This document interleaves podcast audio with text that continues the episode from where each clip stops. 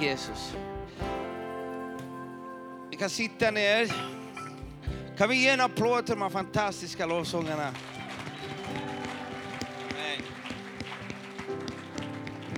Vi har också eh, Northwind Collective som har kommit hit från Finland, så vi kan ge en stor applåd till dem också.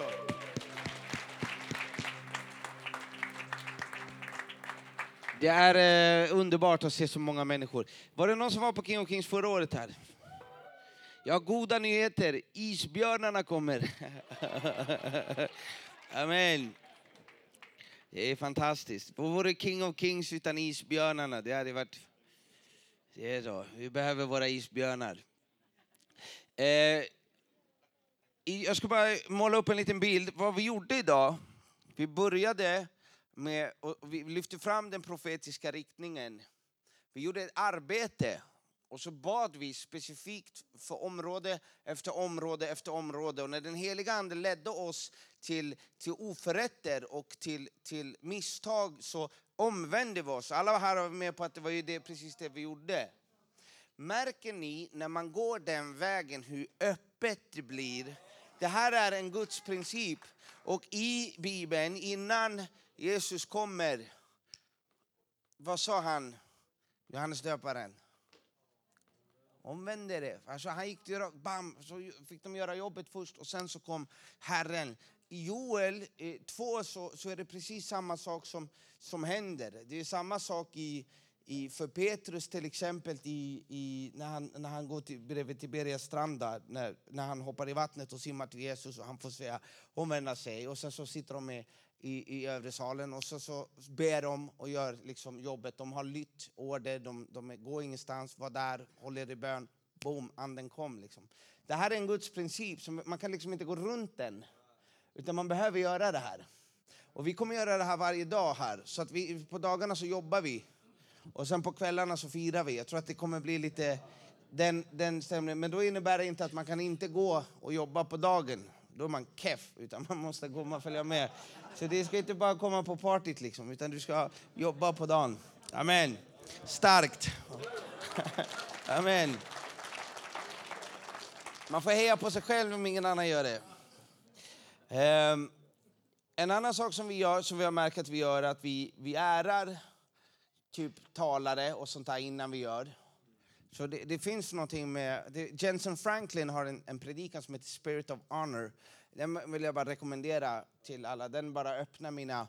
Du vet att när en människa gör ett misstag så, så är vi snabba på att peka ut. Men, men det fanns två olika, när Noah, han säger det, när Noah hade liksom, när han hade somnat naken i tältet så, så, så, så den ena sonen, han bara tittade liksom, men den, de andra de backade in och, och så täckte de över det nakna köttet. Och där är liksom, that's the spirit of honor, liksom. istället för att bara peka.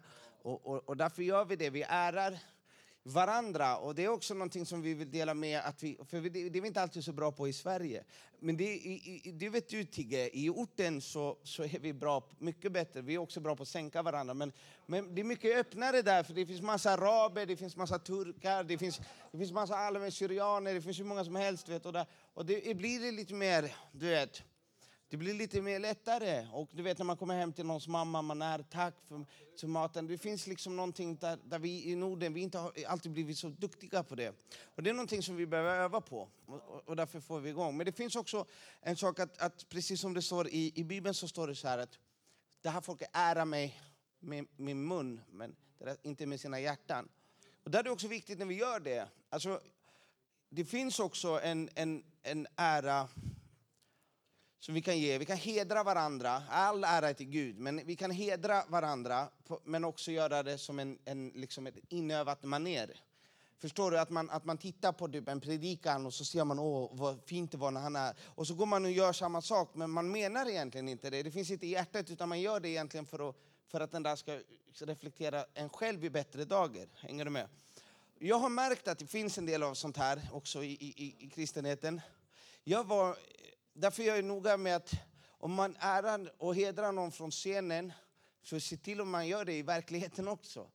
Förstår du? Alltså om, om, om jag står här och bara säger liksom att eh, Tigge är helt fantastisk och allt sånt här och sånt. Och sen ringer han mig och frågar om hjälp och så bara ger han kalla handen. Då har jag bara stått här och varit falsk. Jag var med om en, en, en, en pastor som gjorde sådär på mig. Han, han stod på scenen och han bara höll värsta peptalket till mig framför alla. Det var i Norge. Jag ska inte säga vilken stad. Så, men så gjorde han det. Liksom. Och jag bara kände efteråt, jag blev så helt kär i snubben. Jag bara, det här måste vara min bästa kompis. Vilken, vilken brorsa liksom. Men så veckan efter så jag bara ringde, han svarade inte och sen jag bara försökt höra av mig och du vet sådär. Och bara iskall hand. Så jag letade upp han och så bara slog jag sönder... Nej, det, det gjorde jag inte. Jag gjorde det i huvudet, men... Nej, det gjorde jag inte. Ja, förlåt, förlåt, herre. Nej, men vad jag, däremot så blev jag besviken. Och, och det var, kändes inget bra, helt enkelt. Och det tänker jag så här att när vi kommer och, och, och ska representera Jesus så är det en äkta Jesus som vi ska ge människor. En äkta, för vi ska inte göra så inövade, vi ska inte sitta på Youtube och titta på vad andra gör och försöka göra som dem. Utan vi ska kolla på Jesus. Och sen ska vi göra vad han gör. Det är det vi måste göra. Vi måste bara titta på honom. Du vet. Titta på honom, titta på honom, titta på honom. Amen. Jag var i, i, i Tyskland, vi gick på Reinhard Bonkes avskedspredikan i Hamburg. Jag och Carl Gustaf Severin åkte dit. Alltså det var helt sjukt grymt. Alltså, den där mannen, han är så helt... Alltså, det, var som, det är så typ som att profeten Elia lever idag. Liksom, förstår du? Det var så där starkt det var. Liksom. Om jag dör, gå och kasta mig på hans grav om han är död. Du vet. För jag lovar, jag ska studsa upp. Men, men, men det, som, det som var så starkt där, du vet, så där, det, var att, det, det bästa han sa det var så här att all my life people said you're doing too much, you're gonna burn out, you're gonna burn out, you're gonna burn out, you're gonna burn out.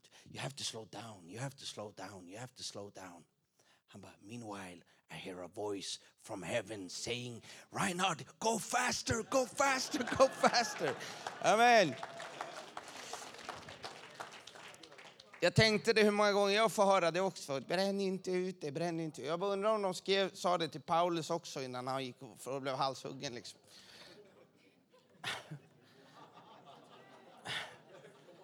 Eller Petrus liksom. När han stod upp och ner korsfäst liksom, kom det dit några sådana här, du vet så här, halvjumma kristna liksom. Bara, Slit inte ut dig nu Petrus. Hej, förlåt Jesus.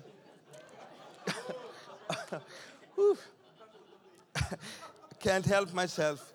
Men det var fett roligt i alla fall. Vi var i Hamburg och jag sa till eh, Severin, så sa jag så här, jag bara, äntligen så får man vara liksom en vanlig kyrkobesökare. Vi stod längst bak i en kö av 4 000 personer.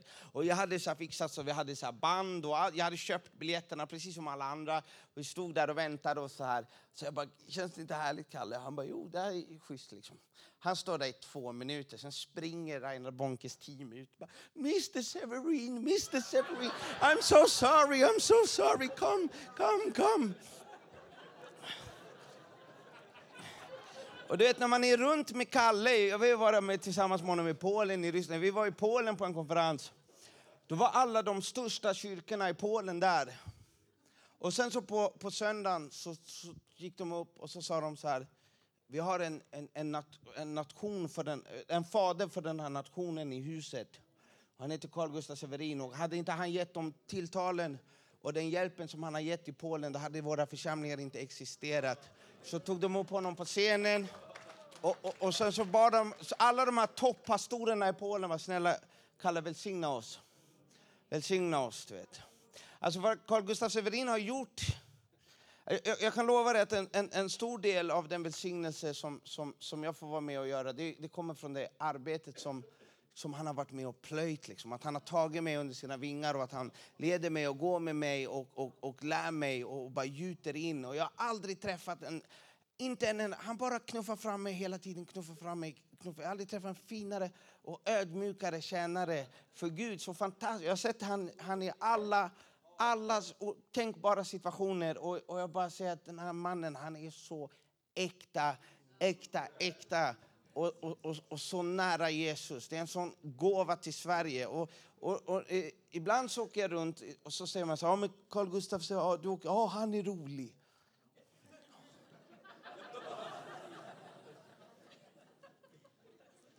Men han är en Guds general för Europa. Det är vad han är.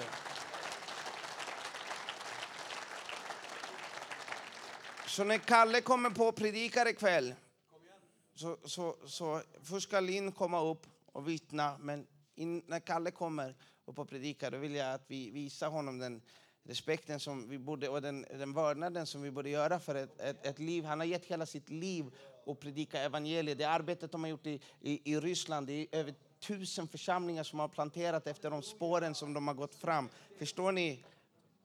Hela sitt liv gett till Herren. Så när han går upp och predikar ikväll då tycker jag vi ställer oss upp och vi ger honom en lång och stor och varm applåd. Men först så ska vi få lyssna på en fantastisk ung kvinna som heter Linn. Jag träffade henne första gången när hon, hon var på väg och skulle ta livet av sig och kasta sig framför ett tåg. Och så hamnade hon på ett väckelsemöte. Och ett år senare så hade hon fört 60 människor till Jesus.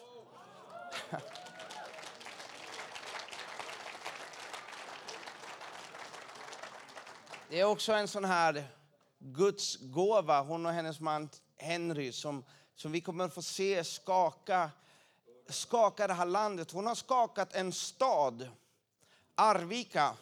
Och att socialtjänsten i Arvika de gick ut och gjorde ett uttalande och, och, och sa vi har förlorat våra klienter. Liksom. Och det här, står, det här har vi skriftligt. Och, och, och, och, när hon kom till den staden så ville kyrkorna inte veta av henne. För att, och då, kyrkorna ville inte ta emot henne. Tack Jesus för LP, för det var de som klev in och, och, och, och samordnade. Amen. Så vi ska höra Linn. Linn, jag är så enormt stolt över dig och det är Jesus också. Vi Linn en stor applåd. Amen.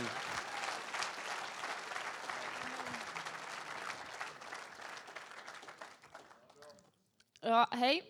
Um, jag fick höra att de ville att jag skulle dela lite vad som har hänt i min hemstad Arvika sedan eh, jag blev frälst.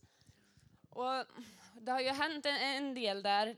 På, på, jag har ju bara varit frälst i ja, två år blir det i, i september. Så jag har tänkt hur ska man eh, sammanfatta allt det här? Men jag tänker jag, jag försöker i alla fall här. Och jag, är ju, jag är ju uppväxt där. Jag har missbrukat där alltså i 15 år av mitt liv.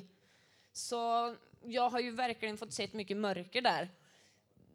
Alltså så många som mår dåligt, så många som lider av självmordstankar, som till och med tar livet av sig, så många som missbrukar och, och som till och med tar livet av varann. Jag har haft vänner som har mördat vänner och det har verkligen varit helt kaos i den där stan. Och, och, och, och det vi upplevde, vi som mådde dåligt där, var att um, liksom att det fanns ingen ljus där och det fanns inget hopp och det fanns ingen som brydde sig. Det var så det kändes. Ingen ville bo där men ingen kunde ta sig därifrån för vi var fast liksom. Och, och jag, jag, det gick ju så långt att jag, jag började med heroin och, och satt med sprutnarkomaner och så. Så det var verkligen så långt ner, så mörkt som det bara kan bli. Och så första gången jag fick träffa, eller möta Jesus då, fick höra folk berätta om honom och jag blev fri. Jag är en sån där som blev fri pang bom sådär. Uh, så då kände jag så här, det här måste ju folk få veta. Jag kände direkt, det här, jag måste tillbaks dit jag kom ifrån. Jag måste berätta det här. Och Gud la verkligen på mitt hjärta Arvika, du ska tillbaka till Arvika. Liksom. Och, och, jag kände som Sebastian förklarade förut, liksom, att man vill inte gärna tillbaka dit. Man har suttit hela livet och ville därifrån. Nu var man fri och så känner man att Gud lägger på ens hjärta att jag ska tillbaks. Och, och jag kände också så här att Gud, för jag var på behandlingshem när jag blev frälst och i en annan stad så här och, och jag kände men Gud, hur har du tänkt att det här ska gå till? Och jag kände men jag räcker inte till och jag, jag är ju ingenting. Jag förstod inte hur Gud kunde lägga ett sånt ansvar på mig, för jag vet att det är ett stort ansvar att hjälpa folk där hemma. så, men jag bara började be och be och be och jag kände den här kärleken, det bara växte mer och mer. Och, och så jag, jag flyttade tillbaks till Arvika ett litet tag. Och, och bara gick runt och bad och bad och jag kände mig så ensam för jag trodde liksom att okej, okay, nu hade jag kommit in i en jättefin brinnande församling. Så här är nog alla församlingar. Så gud vad kul att komma till Arvika och liksom de kommer bli så glada när jag kommer och det kommer. Ja. Och det var inte riktigt så och, och det var bara massa vita huvuden så här. Så jag trodde ju att det fanns ungdomar där också som var frälsta. Jag tänkte det här har ju jag missat när jag har bott där. Men jag hade inte missat så mycket alls faktiskt. Och, så, så jag kände så här, äh, det här var hopplöst. Kände jag, det här kommer aldrig gå. Och, och, jag kände mig helt plötsligt utanför överallt. Innan var jag ju bara utanför samhället, men man hade sina knarkarkompisar i alla fall. Men nu var man typ en alien vart man än var. Var man i kyrkan, då var det ingen som förstod mig. Och sen gick jag tillbaka till kompisar och så pratade jag om Jesus. Så att, och jag bara satt där hemma i köket hos min mamma som jag bodde hos då och tänkte, hur ska det här gå? Men, men jag fortsatte be och be och, och jag hade verkligen en tro på att det, det skulle bli bra. Och, och efter ett tag, den första tjejen som jag ledde till frälsning, det var en tjej som faktiskt hörde av sig till mig. Och vi har varit ovänner i många, många år. Hon, jag har mordhotat henne, jag har varit jätteelak mot henne. Och hon hörde av sig för att hon hade sett ett kort på mig där jag log. Och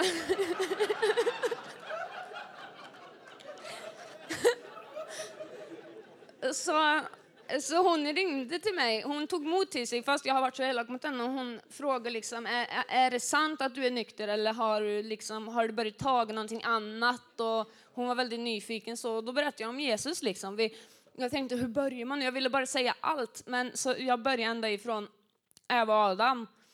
Och, så att hon skulle förstå liksom, vad det var hon tackade ja till. Och, och hon bad en frälsningsbön och den, den kvällen blev hon fri också. Så helt plötsligt var vi två i stan. Och, och vi...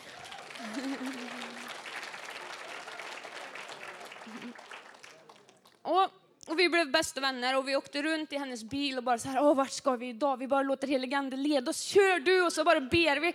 Och så satt vi och bad och, och det kom folk. Alltså vi, vi fick träffa så mycket människor som bara dök upp och vi vi såg till att vi hade full höger med så här Sebastian Staxets nya bok och vi gav till allihop så här. Och, och, och, vi gick runt med biblar och vi gick in i för vi visste ju exakt vart vi skulle gå, vart mörkret var. Så vi gick ju bara och knackade på och så satt vi där med och, liksom, och pratade om Jesus och vi, vi och till slut så märkte vi att folk började öppna sig mer och mer för, för att höra. Folk ville ha Jesus. Alltså man behövde nästan inte ens förklara för de var liksom så här, vad har ni något som funkar?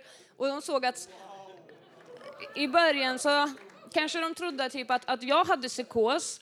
Men sen såg de ju att en till hade fått samma psykos och då tror jag de liksom tänkte att det kanske är på riktigt.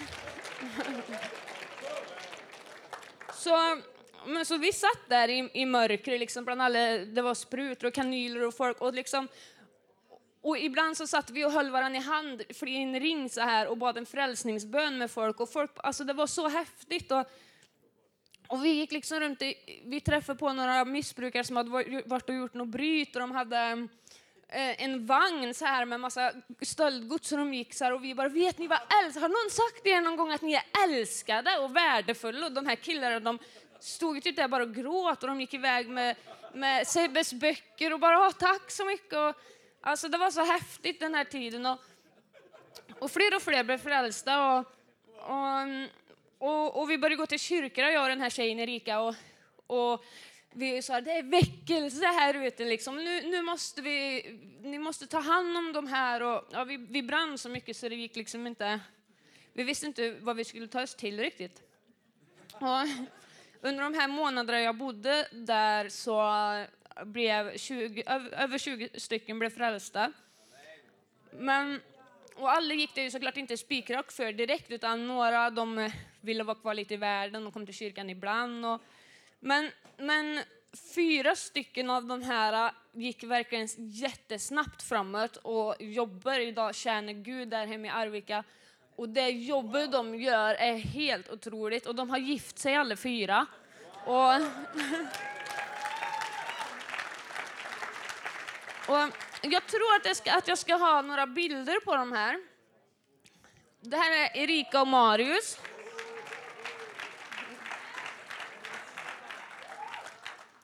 Och Jon och Selina. Och det här är också tunga missbrukare, liksom, de här fyra.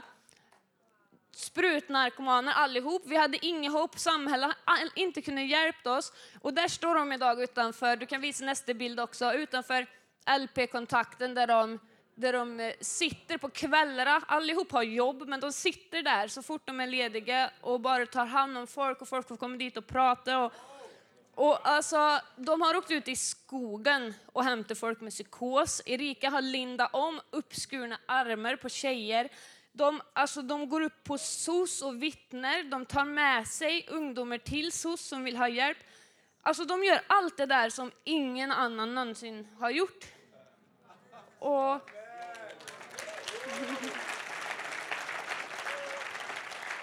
Och de, de har egna väckelsemöten och brinner verkligen för de förlorade, verkligen. Och, och de har sett till, vi hade ju ingen pastor i Pingstkyrkan, nu har vi fått ett nytt pastorspar som kommer dit. De har fixat så det bibelstudier där och det börjar ju verkligen äntligen hända någonting. Och då tänker jag tillbaks liksom, och nu leder de i sin tur folk till frälsning. Så det är så häftigt att se hur det här, ja det är så häftigt och, och ja, det trodde jag inte. Mm. Men jag kände också, jag vill verkligen uppmuntra till, alltså det här det var ju min plats där Gud la på mitt hjärta. Och, och jag skulle bara vilja uppmuntra dem att alltså, du har också en plats. Och det kanske inte är en stad, eh, det, kanske, alltså det kan vara i ditt arbete, på din skola, det kan vara i din familj till och med. Men, men, men du har också en plats där du behövs. Och, och, för det finns folk, jag vet inte vart, vart just din plats är, men det finns folk överallt, precis överallt, som inte vet om att de är älskade. De kanske aldrig ens har hört det. Och du behöver inte vara en knarkare för att känna så, utan överallt möter du folk som de vet inte att de är älskade, att de är värdefulla och många vet inte ens att Jesus finns. Och, och det, det, är vår uppgift att berätta det för dem. Och, och, och en, en förändring, det kan börja med bara en person.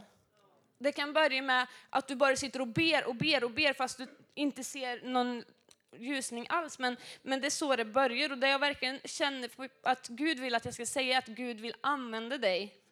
Han vill verkligen använda dig oavsett vad du har för bakgrund eller hur du känner dig så vill han använda dig. Och, och, och vi kan tänka många gånger som jag tänkte att det här kommer inte jag klara själv och hur ska jag klara det här? Och nej, det gör du inte, men med Gud så gör du det. Och vi behöver bara lyssna på det Gud lägger på våra hjärtan och bara säga Herre, jag, Herre, sänd mig. Amen.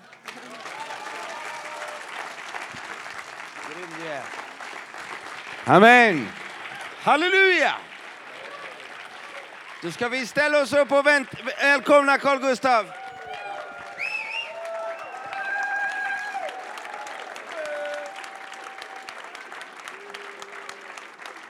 Tack så mycket. Ja, tack Jesus.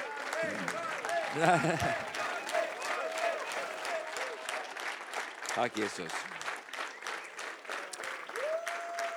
Medan vi står upp ska vi ge Jesus en stor applåd också, för det är han som ska ära för allt. Jesus, vi älskar dig. Tack för vad du gör i det här landet, Herre. Tack för vad du har gjort i Lins liv, Herre. Och tack Herre att det här är begynnelsen till något stort och mäktigt i Skandinavien, Herre. Vi prisar dig i Jesu namn. Och allt folket ropade Amen. Varsågoda och sitt ner. Det här är ju helt otroligt. Tänk att vi får vara med och lyssna på det här. Det här är ju något som vi har drömt om. Åtminstone har jag drömt om det här, att det här ska hända i Sverige. Och jag blev så rörd. Och jag tänkte, det står, det står så här i första gången det brevet, bröder, sen, se på er egen kallelse. Inte många av er var, visa på världens sätt. Inte många var mäktiga, inte många var förnäma. Nej, det som är för världen var dåraktigt. Det utvalde Gud. För att, för att förödmjuka de visa. Och det som för världen var svagt, det utvalde Gud. För att förödmjuka de starka. Och det som för världen var obetydligt och föraktat och inte fanns till, det utvalde Gud. För att till intet göra det som fanns till. För att ingen människa ska berömma sig. Halleluja. Den som vill berömma sig, han berömmer sig av Herren. Alltså jag blir, jag blir helt mosad här ikväll. Det är inte lätt att predika efter det här. Oj, oj, oj. Och så kommer Tiglit efter mig här. Så efter mig kommer en som är starkare än jag. Så tar jag något till Tiglit. Det är ett möte till här. Men, men eh, ja, jag, jag, blev bara så rörd här idag. Jag ser också både Tord Renkel här som, som blev frälst när jag var i Södermalmskyrkan. Han fick vara hans övervakare och lura in honom på LP-stiftelsen. Där blev han frälst. Och idag är han missionär och predikant och tjänar Gud i många år tillbaka. Det är underbart att se dig Tord. Och höra Linn här ikväll och bara veta att för två år sedan så, så var hon i total misär och så mötte hon Jesus. Det är fantastiskt. Alltså det är fantastiskt det Gud gör. Tänk att vi, vad vi ska vara med om i Sverige nu.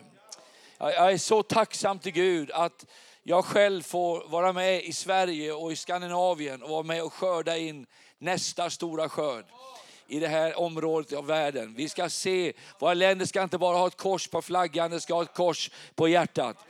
Det ska vara kors över Sverige. Vi ska resa korset.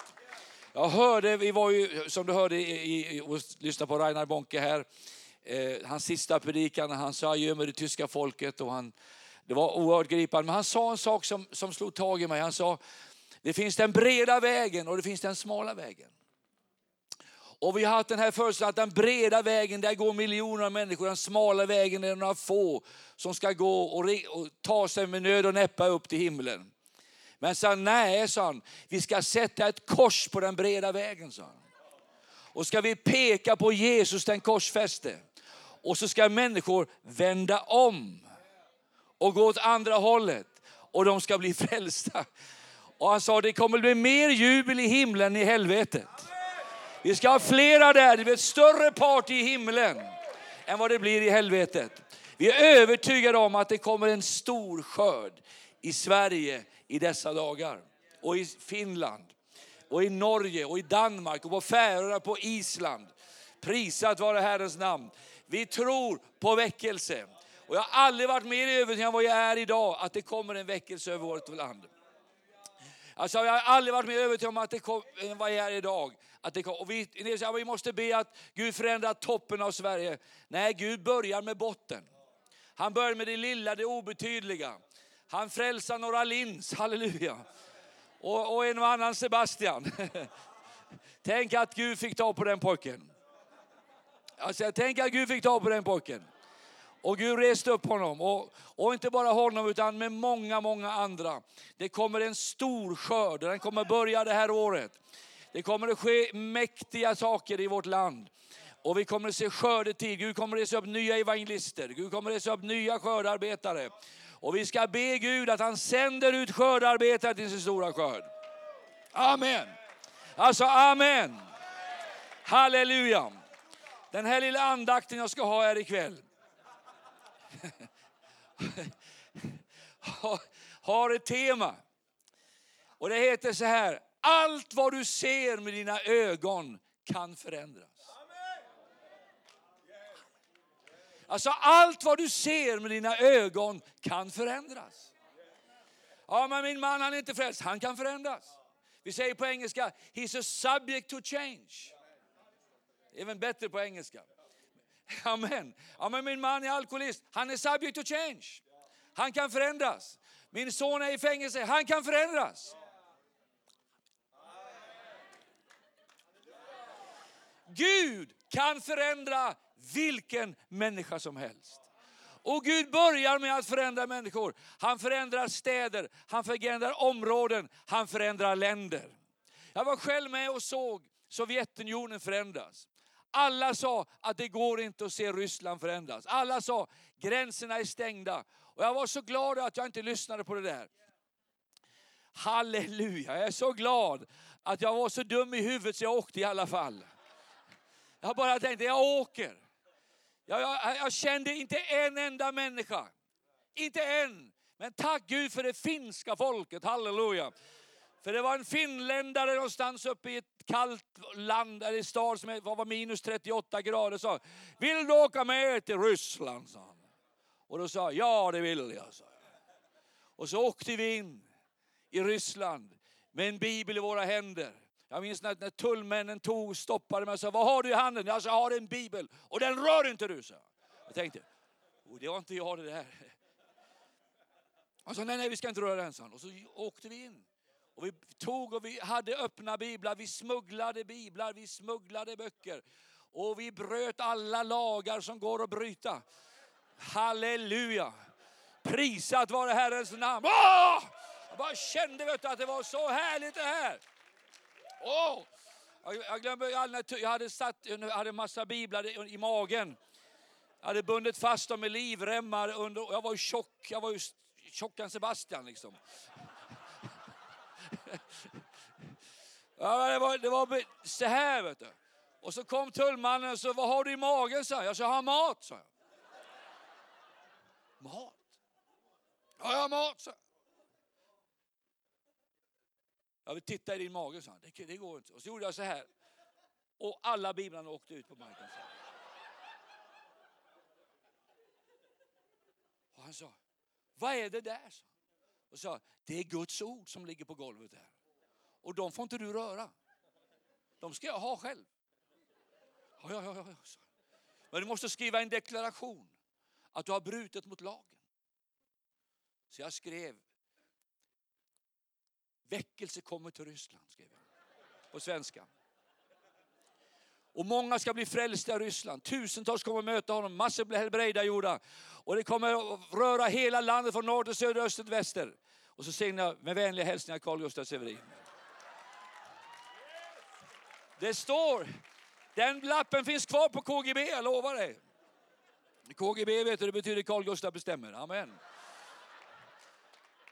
Och jag ska säga, det var ett fantastiskt möte det där när jag fick stå där och fick tillbaka mina böcker och mina biblar. Det var härligt var det.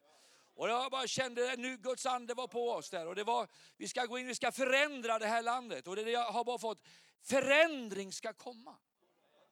I den lilla människans liv, men också det stora. Gud ska förändra vårt land. Och vi såg hur Guds ord kom in i Ryssland. Det förvandlade alla republikerna, alla Azerbajdzjan, Armenien, Kazakstan, Uzbekistan, långt bort i stan. Allting liksom. Fick uppleva förändringar. Tusen, idag i församlingen i Moskva är vår församling 6 000 medlemmar. 27 möten varje helg. Och de predikar evangelium. Tusentals med ungdomar som prisar Jesus Kristus. Frälsning har börjat. Men det började med den lilla människan. Det började med de där som ingenting var. De som var utslagna. De som inte hade hopp. De hade ingen framtid. De gick på, på narkotika, de injicerade och de blev frälsta. Halleluja. Förändring. Allt du ser kan förändras. Alltså allt du ser kan förändras. Halleluja. Jag minns när jag blev arresterad en gång i, i Ryssland. De tog mig när jag skulle gå in i Ryssland och jag la fram mitt pass där i Moskva. Så tittade de på mig och så sa hon så här. Du är inte välkommen längre till det här landet. Du är en non grata. Jag sa, vad är non grata? Not welcome, så. Du måste vända tillbaka. Du får aldrig komma tillbaka igen. Och jag tänkte, och de körde iväg mig tillbaka till planet, till SAS-planet. Innan jag gick så vände jag mig och så tittade jag på dem och sa, I'll be back.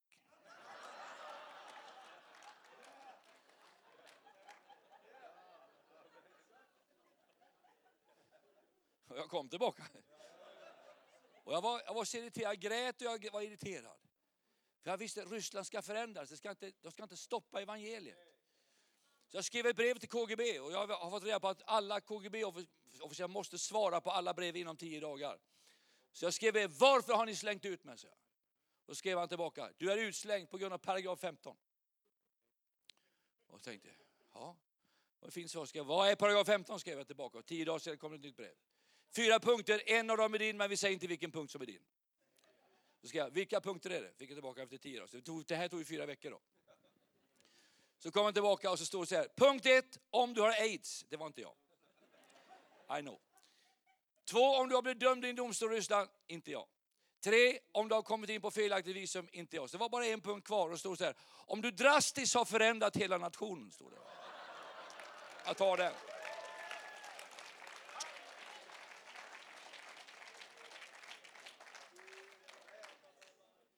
Och vet du vad? Jag är övertygad, så som Gud förvandlade Ryssland så ska han förvandla Sverige. Och Skandinavien, Finland, Norge och Danmark, våra nordiska länder. Han kan förändra allt. Alltså han kan förändra allt. Skriften säger i Andra Korinthierbrevet 4, nu sjunger jag Jesus kommer snart och tiglet kommer snart här. Därför ger vi inte upp. Säg vi ger inte upp. Säg vi ger inte upp. Även om vår yttre människa bryts ner förnyas vår inre människa dag för dag. Vår nöd som är kortvarig. Säg min nöd är kortvarig. Med andra ord, det du ser kan förändras. Halleluja! Det du tittar på som ser omöjligt ut. Det här är egentligen ingen predikan, det här är en princip. För jag vill att du ska få det här med dig från den här konferensen och den här konferensen. Att allt du kommer se på framtiden som ser jobbigt ska du tänka så här, ja men det kan förändras. Allt det vi ser kan förändras. Oh, glory to God. Jag kan förändras.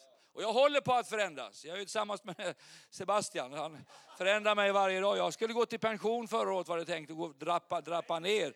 Men det blir värre det här än någonsin. Nu ska vi ha tältmöten i sommar här, liksom stad efter stad. Och tält med 4 000 ska resas upp och vi ska predika evangelium. Det är ju bara kul det här liksom.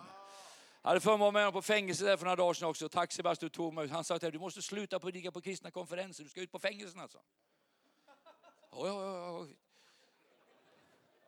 Så jag åkte dit, lite. bland hundra värsta fångarna i Sverige satt där. De som inte passar på de stora fängelserna, de värsta, de hamnade där. Och där fick vi stå och predika evangelium. Jag var nervös som ett litet barn. Men, och se Sebastian, han stod där och talade med de här och de en efter en började gråta och tog emot Jesus. Tänk när de kommer ut. Vilka eldskrafter det där blir alltså. Oj, oj, oj. Hamba silikeja. Åh, tänk när de kommer ut i frihet. tack Jesus. Jag sa tack Jesus.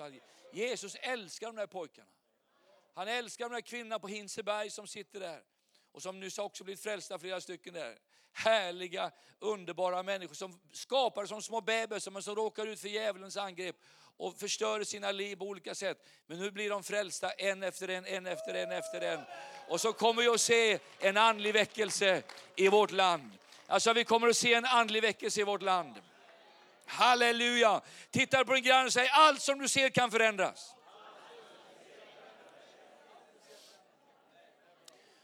Vår nöd, den är kortvarig. Och den väger lätt.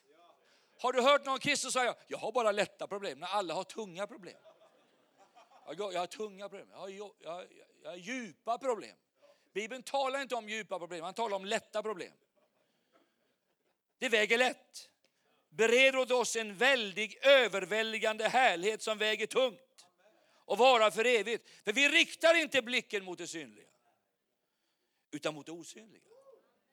Det synliga är vad då? Förgängligt. Allt du ser är förgängligt. Det innebär att dina problem är förgängligt. Cancertumören är förgänglig.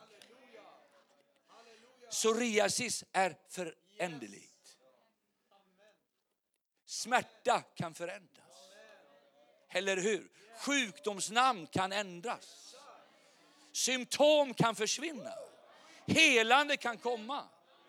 Och vi proklamerar i Jesu namn att evangeliet är en Guds kraft till frälsning för det svenska folket. Än idag. Än idag.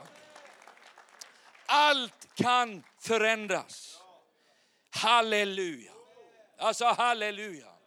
Ja men jag har jag vet folk säger, men faktum är, har du hört någon säga, faktum är.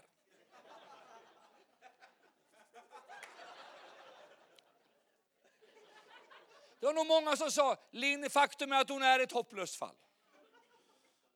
Till och med svenska regeringen hade två krismöten om Sebastian och hur de skulle få stopp på honom. Ja, halleluja. Men yes, faktum är så att det fanns inget hopp för honom.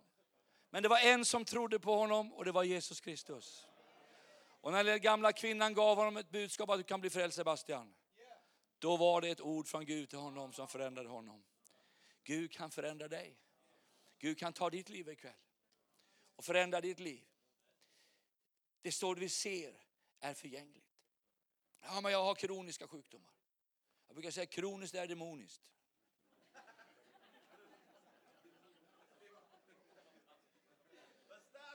Chronic is demonic.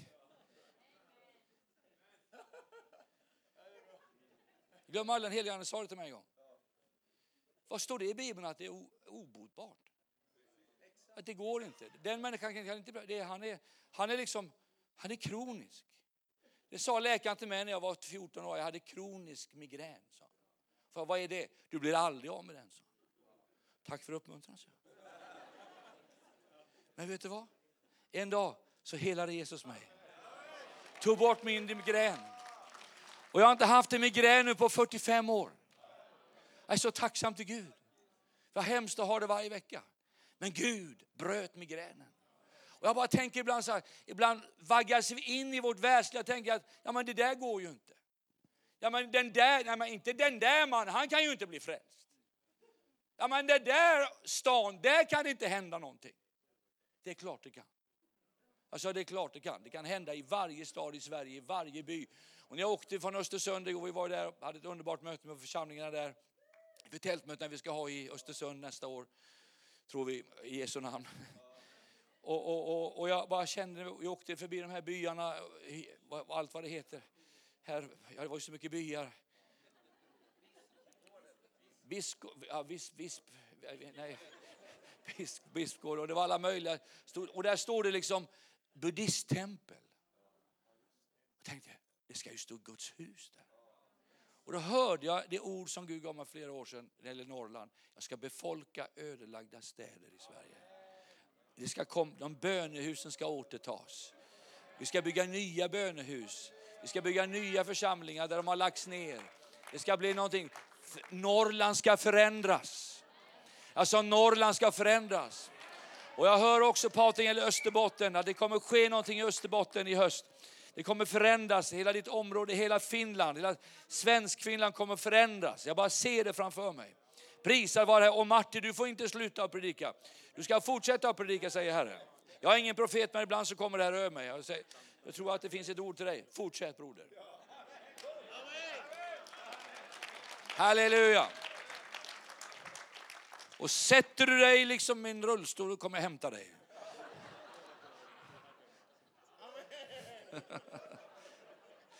Sebastian han har, han har sagt till mig att jag ska följa dig till graven, sa han. Och när du ramlar ska jag resa upp dig från de döda tre gånger, sa han. Den fjärde gången kommer Monica säga, låt han stanna kvar.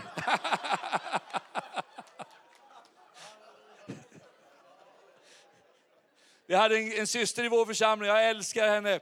Hon, hon gick på en bibelskola på Livets Ord och hon var, hon var 75, hon var läkare från Afrika, kom hem från Afrika. Och så gick hon på bibelskolan och så sa hon så här, Carl Gustaf, jag vill åka med på team, sa hon. Jag tänkte, ska du på team? Det kan bli den sista färden, tänkte jag. Så, så sa hon så här, jag är läkare, sa hon. Hon hade svårt att gå.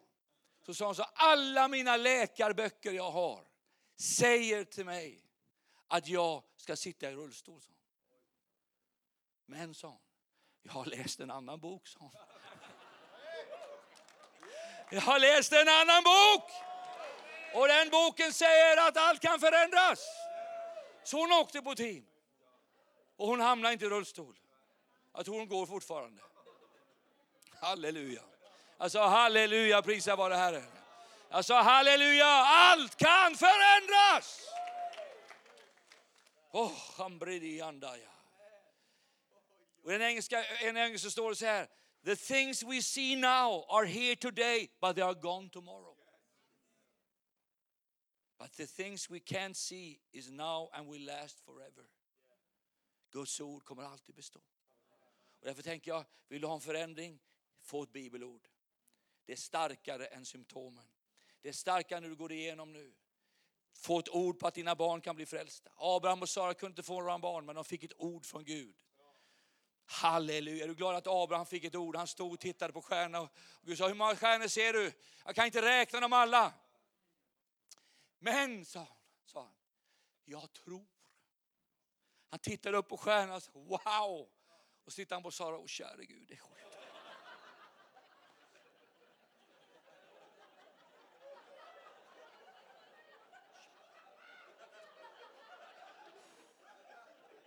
Kan du tänka dig tanken? Det var inte helt lätt. Eller hur Tiglit? Eller Nej, det var inte helt lätt. Ja, du vet ingenting om sånt där men. Han var 70, hon var 60. Det var inte helt lätt. När Gud säger att du ska få en son.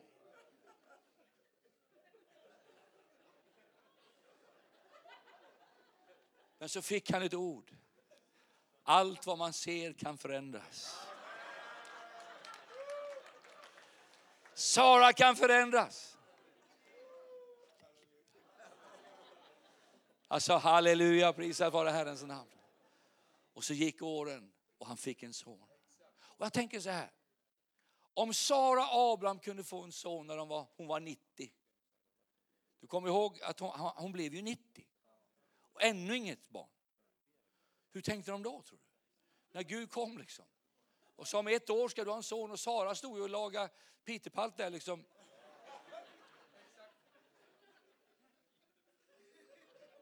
Och så, ska jag ha en son? Kunde ju knappt gå kanske. Jag vet inte hur många tänder hon hade kvar i munnen. Jag vet inte vad som satt kvar där. Hon var gammal, hon var sliten. Och så ska hon bli mamma. Det är inte undra på hon log. Och då sa Gud, du log. Nej, det gjorde jag inte. Ibland är vi sådär. Jag kommer ihåg Bror Spets, kommer ni ihåg Bror Spets? Jag var ju hans medarbetare i Stockholm, underbar broder. När hans hustru gick hem till Herren så, pastor Hennan var ju med i församlingen där också på den tiden och vi har ju känt varandra flera tusen år nästan. Ja. Eh, och det var ju liksom sådär fantastiskt härligt med honom. Men, men han, han gick igenom en tuff tid och jag minns att jag sa till honom, bror du ska, du kom, Gud kommer ge dig en ny fru. Nej, det är över. Så. så gick det några månader. Så sa han, nu har det hänt, sa han. Har det hänt? Ja, jag ska gifta mig. Vem är det? Så Det säger jag inte, sa han. Du får reda på bröllopsdagen. Nej, men så kan man ju inte göra med en vän. Så. Nej, det är hemligt, sa Och då hade jag känt på mig liksom att det var nog en som hette Ingalill. Så jag frågade, är det Ingalill? Nej, sa han. Ljuger du nu? Ja, sa han.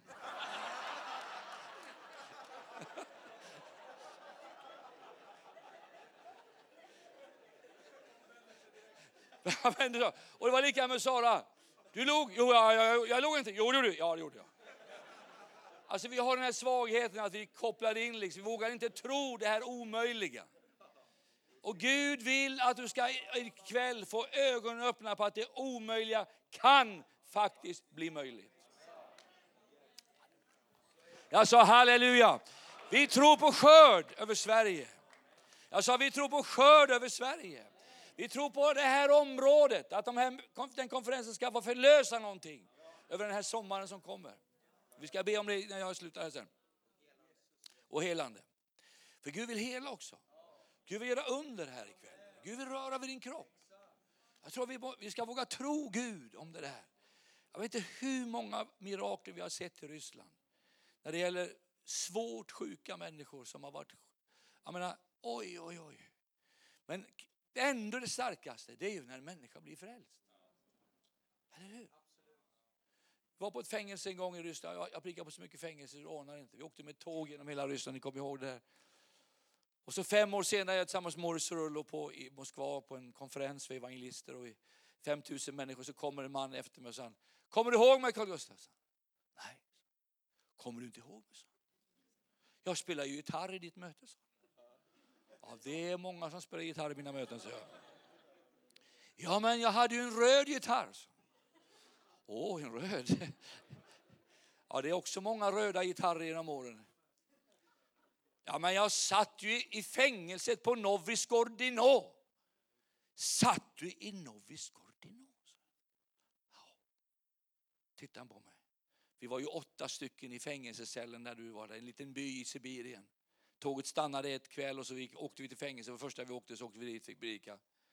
Predika ju hundratals fängelser. Och där, ingen vågade lyfta upp handen och bli frälst när du frågade. Så. Jag, jag hade ingen röd gitarr. Nu kommer jag ihåg din röda gitarr. Så. Det är fem år sedan. Ja, så. så tittade han på mig och sa han. Men när du hade lämnat fängelset så gick vi ner på våra knä alla åtta stycken som satt i det rummet. Vi var åtta stycken. Och så gav vi våra liv till Jesus. Och bara att Jesus skulle förändra våra liv. Vi blev frälsta, vi tog emot Jesus. Efter, efter några månader så sa vakten, vad har hänt med er? Vi har tagit emot Jesus. Ja men då ska ni ju döpas, sa Fick en bra vakt.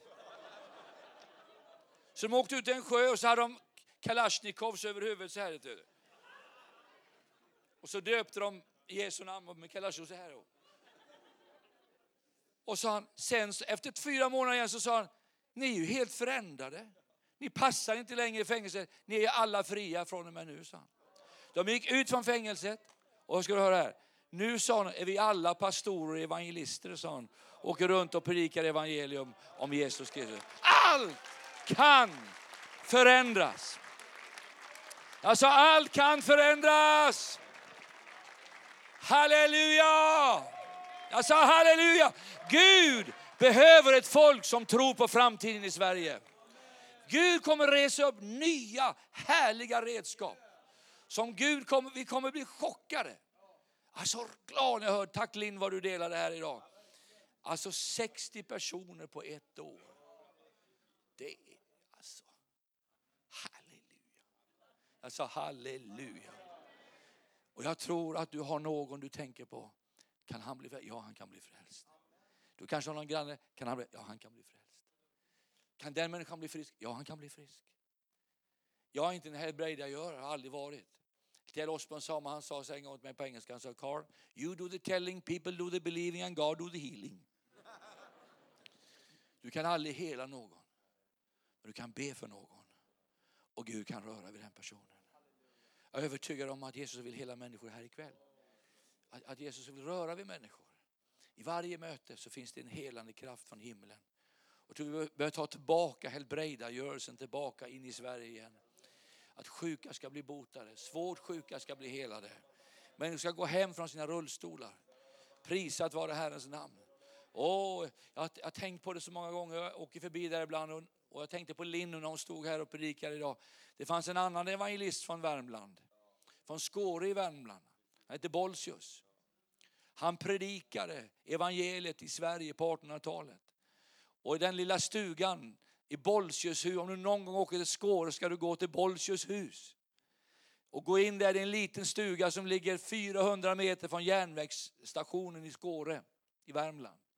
Där bodde Bolsjös. Och folk kom från hela Sverige för att han skulle be för dem, för helande. Och det första han sa när de kom i farstun sa han, har du troa med dig? sa han. Och hade de inte troa med sig så fick de sitta och läsa Bibeln tills troa kom. För farstun. Tron, har du tron med dig? Son? Och vet du vad som hände? När tåget kom till Skåre från Karlstad så stannade tåget vid Skåre station och så sa han nästa Bolsius. För de var så svårt sjuka så de kunde inte gå till Bolsius, de fick stiga av i Bolsius hus. Det blev en egen tågstation vid Bolsius hus. Han bad för sjuka. Kom in i huset, det är fullt med kryckor och käppar och hela huset fullt med helbrägdagörelsevittnesbörd. Och på museet i Karlstad ligger en hel vind full med kryckor. De fick inte plats i hans lilla hus. Det hände i Sverige för hundra år sedan. Det ska hända igen. Jag sa det ska hända igen. Jag sa det ska hända igen. Är du glad för att Jesus är i Sverige idag? Han verkar i vårt land idag. Han verkar i Finland idag. Prisat vare Herrens namn. Och jag vill bara säga också att jag tror även Danmark ska beröras av en mäktig väckelse. Får inte glömma bort Danmark. Hela det danska folket ropar efter Jesus. Och det är en nöd i Danmark och vi har en nöd i Sverige. Vi har en nöd bland ungdomarna. Ungdomar håller på att gå under i psykisk ohälsa. Men det finns en som kan förändra de här ungdomarna och det är Jesus Kristus. Ska vi stå upp och ge Jesus en stor applåd? Han är här i det här mötet här ikväll. Prisat vare Herrens namn. Jag sa prisat vare Herrens namn. Åh, halleluja! Jag sa halleluja! Jag bara hör tre saker som vi ska be om här idag. Ordet kan förändra allt. Evangeliet ska bli predikat, det förändrar. Och andens kraft vidrör människor till förändring. De förtorkade benen ska få liv igen.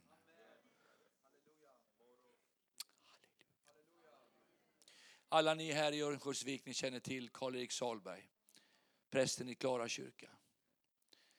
Som kom till en död församling där allt var dött och det var borta, det fanns inget liv i den kyrkan. Men han gick ut på gatorna och började predika i Stockholm. Och idag är kyrkan full med människor. En stadskyrka i Sverige där man prisar Jesus. Jag träffade Mats Nyholm för några veckor sedan. Det är väckelse i Sverige. Anahita, är du här? Var är Anahita? Kom fram här. Jag vill att ni ska få träffa den här fantastiska systern. Ge Anahita en varm applåd.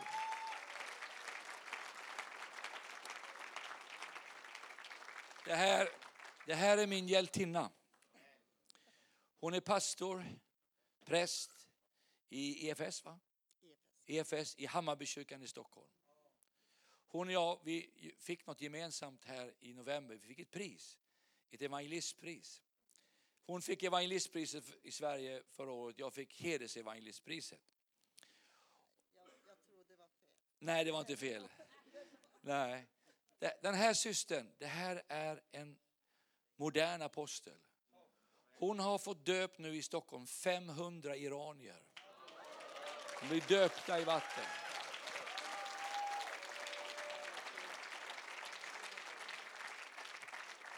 Och i, imorgon eftermiddag ska hon tala här klockan någonting.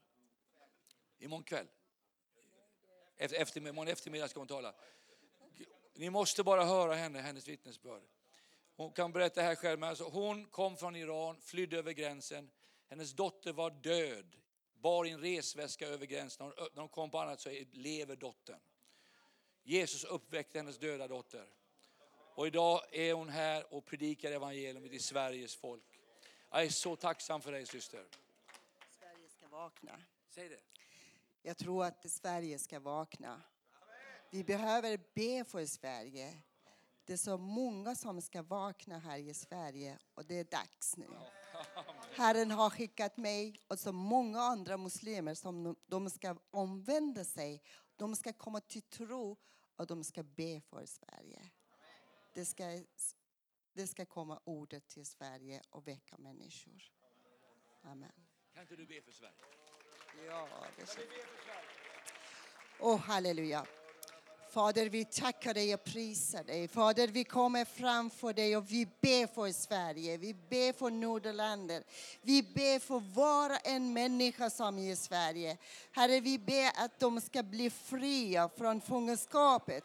De ska bli fria från fångenskapet. Herre, det finns många troende ändå i Sverige. Sverige det är inte helt död, inte helt död. Det som finns människor som ber. Herre, vi ber i enheten, i namnet Jesus från Nasaret. Sverige ska väckas nu och kraften av dig ska komma över hela Sverige. Herre, förvandla Sverige och ge ett nytt liv till Sverige. Ett andligt liv i Sverige, Herre. Låt att människor lever igen och de ska prisa dig och upphöja ditt namn. Herre, jag tackar dig, jag prisar dig för att du har skickat mig här till Sverige. Jag vet att det som jag har ett uppgift. Låt att jag göra mitt uppgift på bästa sätt som jag kan. I Jesu namn. Amen. Halleluja, ska vi ge Jesus en skicklig applåd? Prisat vare Herrens namn. Prisat vare Herrens namn. Skandinavien ska möta Jesus Kristus igen. Saker och ting ska förändras. Vi ska lovsjunga Gud. Så kommer vi tigga upp här. Och sen kommer vi be i slutet, för, efter tigga och predika, så kommer vi be för sjuka också här och be för människor, betjäna människor. Låt oss bara lyfta våra händer inför Herren. Bara lyfta våra händer så prisar vi Herren tillsammans.